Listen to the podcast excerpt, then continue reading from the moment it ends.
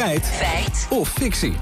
Ja, over Lammerts boorden in het vliegtuig. Ja, want oh, wat kan dat soms toch irritant lang duren. En daarom heeft de Amerikaanse luchtvaartmaatschappij United Airlines een experiment opgezet met een nieuwe manier van instappen. United denkt daarmee twee minuten aan instaptijd te kunnen besparen.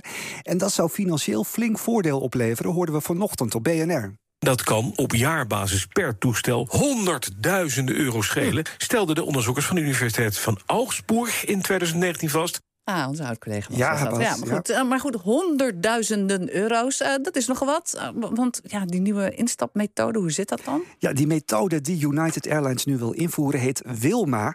En luchtvaartdeskundige Joris Melkers van de TU Delft legt uit wat die methode inhoudt. Wilma staat voor Window Middle Aisle. Betekent dat mensen die aan het raam zitten eerst instappen, dan op de middelste stoel en dan eh, de mensen aan het gangpad. Ja, in tegenstelling tot andere instapmethodes kun je hier dus in één keer gaan zitten en hoeft niemand voor je op te Ja, staan. was dat toch doen nog met, met die kastjes en die, die, die handbagage Ja, die allemaal. veel te grote oh, koffers die je dan weer niet precies. inpassen. Ja, dat gedoe. Oké, maar goed, die twee minuten sneller instappen betekent dus korter stilstaan op de luchthaven. Ja, dus we vroegen ons af hoeveel dat stilstaan dan op de luchthaven eigenlijk kost. Want kennelijk levert het verkorten van die tijd nogal wat op. Floris de Haan, luchtvaarteconoom bij de Erasmus Universi- Universiteit in Rotterdam, maakte een rekensom voor ons. Wat je kunt doen is de, de opportunity cost uitrekenen. Dus de kosten die je had kunnen genereren als je wel had gevlogen. Als voorbeeld een vlucht naar Londen waar 150 passagiers in een vliegtuig zitten... die allemaal 100 euro betalen. Genereert dan eh, op een vlucht van een uur 15.000 euro. Nou, als ik dat deel door eh, 60 minuten, dan genereert dat vliegtuig dus per minuut 250 euro. Ehm, nou ja, en dat zou je dan dus toe kunnen wijzen aan zo'n vlucht. Ja, maar de precieze kosten van het stilstaan berekenen is nogal lastig, vertelde hij.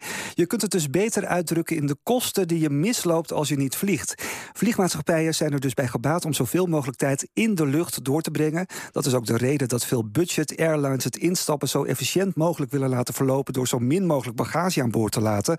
Want ja, dat gehandels met Ja. koffertjes inderdaad kan de boel flink vertragen. Oké, maar goed, dat instappen. Want hoe stimuleer je mensen nou om dat sneller te doen? Nou, luister maar even naar Melkert. Wat helpt is geld geven. Is wel onderzoek gedaan in, eh, in Engeland, waarbij ze gekeken hebben hoe snel kunnen mensen erin en eruit komen. En dan hadden ze een, eh, een, eh, ja, soort eh, bonus als mensen, nou als je nou snel uitstapte, kreeg je in dat experiment kreeg je vijf pond. Nou, toen begonnen mensen letterlijk over elkaar heen te vallen en begonnen mensen zelfs benen te breken.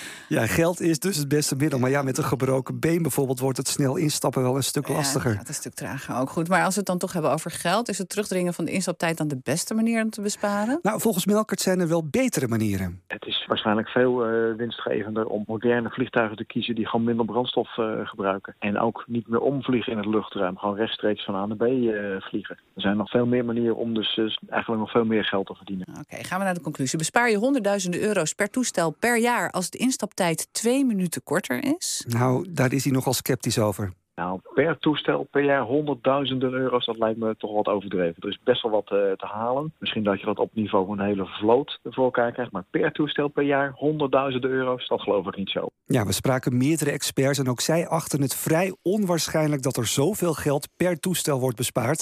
Heb je het over meerdere toestellen, dan is het wel een stuk aannemelijker. Maar sorry Bas, het is in dit geval dus fictie.